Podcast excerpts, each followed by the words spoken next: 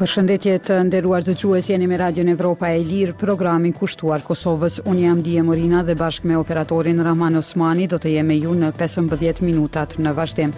Fillimisht ju njohim me titujt kryesorë. Banka Qendrore e Kosovës thotë se nga 1 shkurti pagesat në Kosovë do të kryhen vetëm me euro.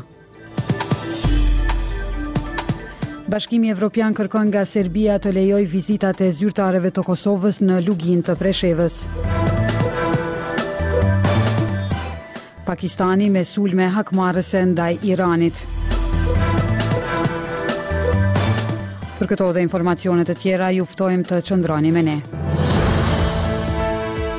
Radio Evropa e Lirë është media e pavarur amerikane e themeluar nga Kongresi i Shteteve të Bashkuara të Amerikës. Misioni ynë është promovimi i vlerave dhe institucioneve demokratike. Banka Qendrore e Kosovës ka miratuar një rregullore për operacionet për paratë e gatshme, e cila thotë se monedha e vetme që lejohet për kryerjen e transaksioneve të pagesave me para të gatshme në Kosovë është euro. Kjo rregullore do të hyjë në fuqi më një shkurt. Valuta e vetme e lejuar të përdoret për kryerjen e transaksioneve të pagesave me para të gatshme dhe në sistemin e pagesave në Republikën e Kosovës është euro, si valutë e vetme edhe në kuptim të nenit njëmbëdhjetë të Kushtetutës së Republikës së Kosovës dhe neneve gjashtëmbëdhjetë, shtatëmbëdhjetë dhe tetëmbëdhjetë të Ligjit numër zero tre L dyqind e nëntë për Bankën Qendrore të Republikës së Kosovës, thuhet në këtë rregullore. Në Kosovë, në të gjitha vendbanimet me shumicë serbe, popullsia atje përdor dinarin serb për të kryer pagesa dhe ata që punojnë në institucionet serbe në Kosovë i marrin edhe pagat me dinarë. Me dinarë paguhen edhe pensionet, sipas sistemit serb, si dhe shtesat për fëmijët dhe ndihmat sociale.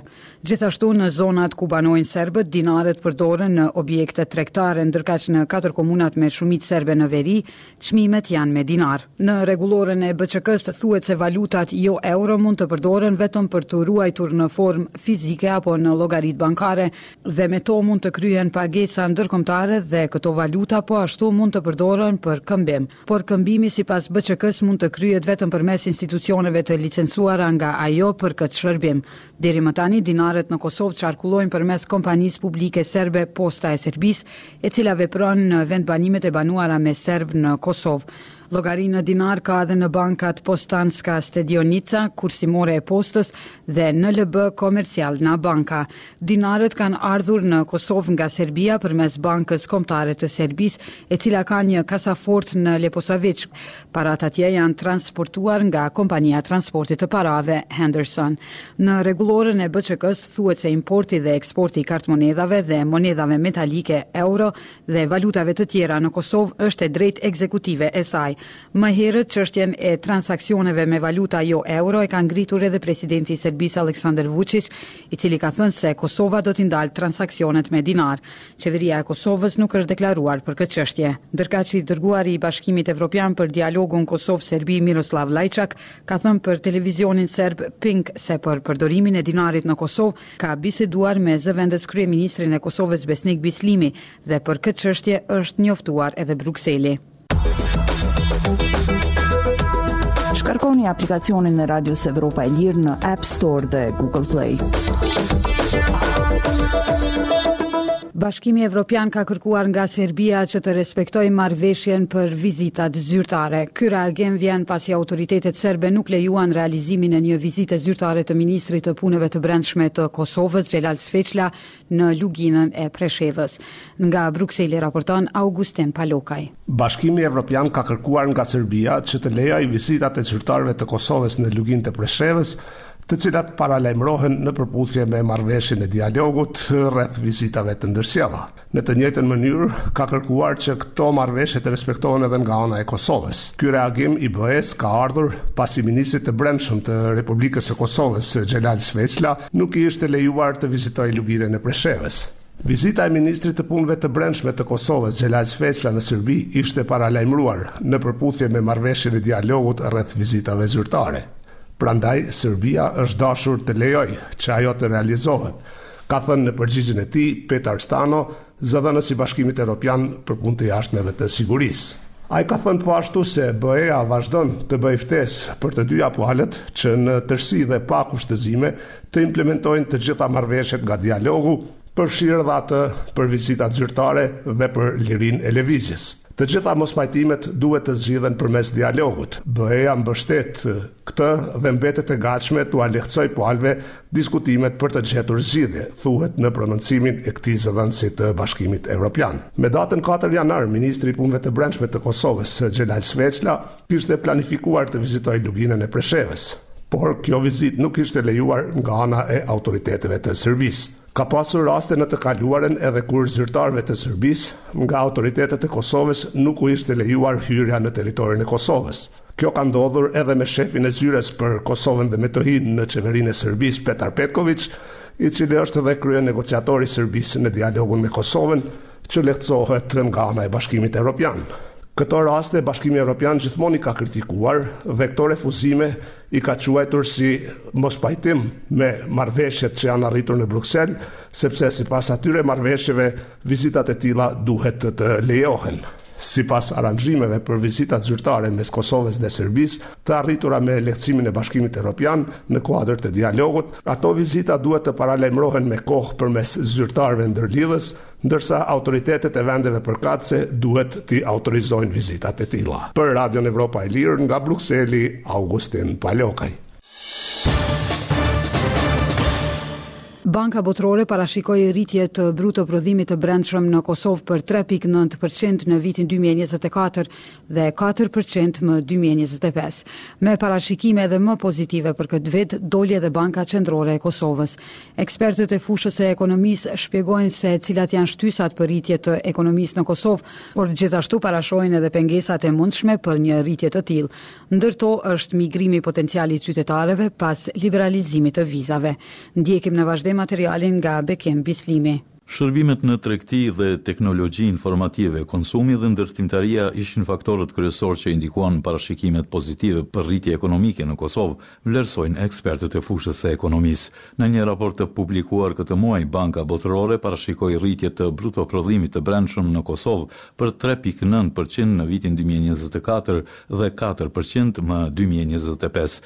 Sipas Bankës Botërore, vitin e kaluar, Rritja ekonomike ishte tre pikë dy përqind nga tre pikë pesë përqind sa kishte qenë parashikimi. Me parashikime dhe më pozitive për këtë vit, doli Banka Qendrore e Kosovës sipas së cilës, aktiviteti ekonomik në vend do të shënojë rritje për rreth katër pikë dy përqind. Kjo rritje pritet të gjenerohet nga kërkesat e brendshme, konsumi dhe investimet, si dhe eksporti, thuhet në një shpjegim me shkrim të Bankës Qendrore të Kosovës dërguar Radios Evropa e Lirë. Ky institucion megjithatë thekson se janë disa faktorë si tensionet gjeopolitike ose migrimi potencial i popullsisë, që krijojnë pasiguri dhe mund të ndikojnë negativisht në aktivitetin ekonomik.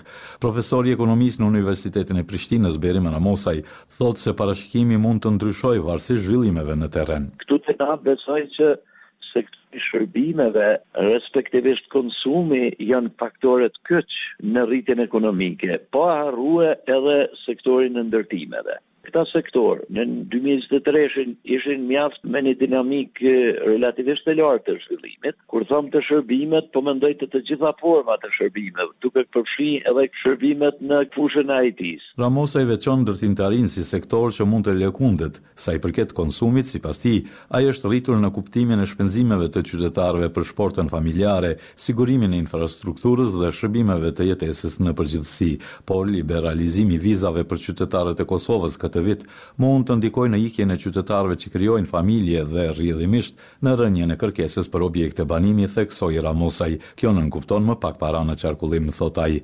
Këtë shqetësim e shpreh dhe Blendi Hasaj nga Instituti për Hulumtime të Avancuara, GAP, me seli në Prishtinë. Sipas tij, sektori i ndërtimtarisë, i cili përfshin numrin më të madh të punëtorëve, është ndër kryesorët që ka ndikuar në rritjen ekonomike gjatë vitit dy mijë e njëzet e tre, por siç thotë ai, Rrjedhat mund të ndryshojnë sivjet dhe vitin e ardhshëm.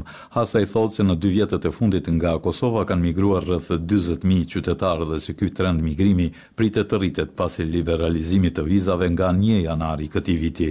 Ai thekson se ekonomia e Kosovës është në fazën e zgjerimit dhe se rritja ekonomike prej tre pikë nëntë për qind ose katër për qind Është lehtësisht e arritshme nëse nuk ka pengesa të paparashikueshme. Nëse kemi një krizë me çmime në arenën ndërkombëtare, ajo reflektohet drejtpërdrejt edhe në Kosovë edhe mund të shkaktojë themi rënie të konsumit. Mirëpo, edhe lëvizja, pra migrimi i cili ndikon drejtpërdrejt, po shihet që po ndikon me tkurrjen e fuqisë punëtore në Kosovë, mund të ketë po ashtu një efekt negativ, pra që pak ta ngadalësojë rritjen ekonomike në vend. Përmirësimi i nivelit të të ardhurave, rritja e punësimit, avancimi i cilësisë së jetesës dhe të tjera, janë disa prej përfitimeve të mundshme që mund të kenë qytetarët nga rritja ekonomike sipas Bankës Qendrore të Kosovës.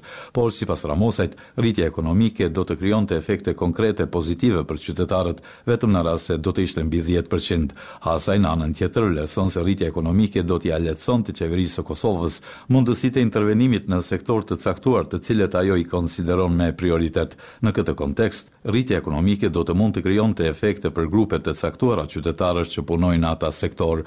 Ekspertët e fushës së ekonomisë kanë theksuar se për ta ruajtur trendin e parashikimeve pozitive ekonomike, Qeveria duhet të përqendrohet në investime kapitale që ndërlidhen me infrastrukturën e të bërit biznes. Për Radion Evropa e Lirë nga Prishtina, Bekim Bislimi. Në vazhdim, kronika nga bota.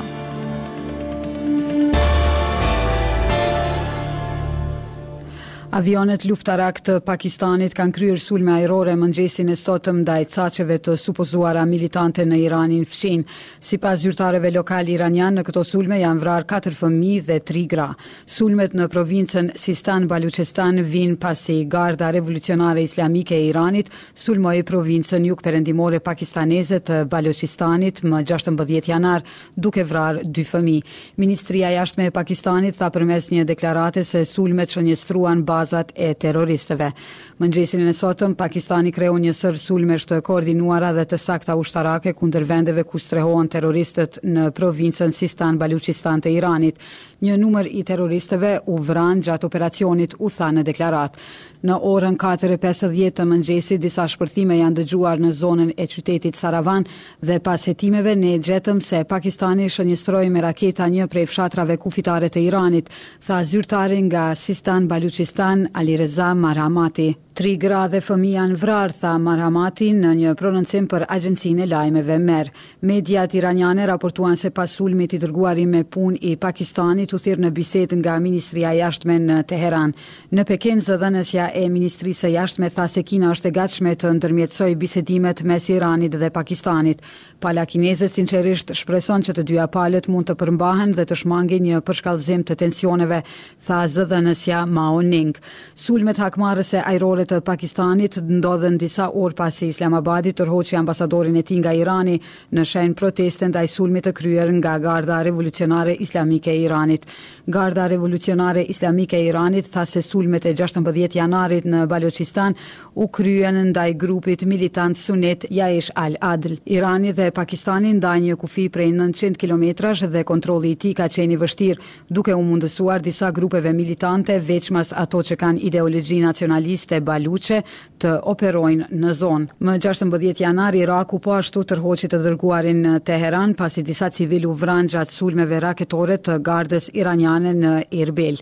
Irani ka pretenduar se sulmet e gjashtëmbëdhjetë janarit shënjestruan një seli të spiunëve izraelitë afër konsullatës amerikane në Irbil të Irakut dhe caqe të lidhura me grupin militant Shteti Islamik në veri të Sirisë.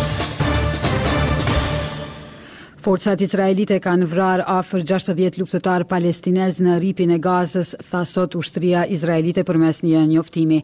Në njoftim u tha se luftëtarët u vranë në operacionet e ushtrisë izraelite gjatë 24 orëve të fundit.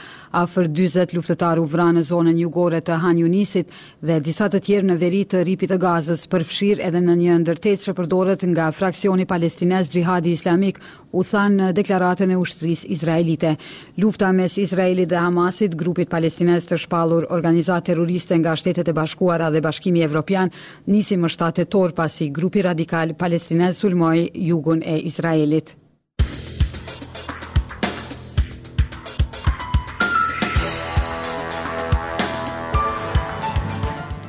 Ishin këto të gjitha materialet e përgatitura për edicionin e mesditës për lajmet e fundit dhe informacionet e tjera mund të vizitoni faqen tonë në internet evropaelire.org. Jemi aktivë edhe në rrjetet sociale Facebook, X, Instagram, Threads dhe YouTube. Deri në takimin tonë të radhës, mirudëgjofshim.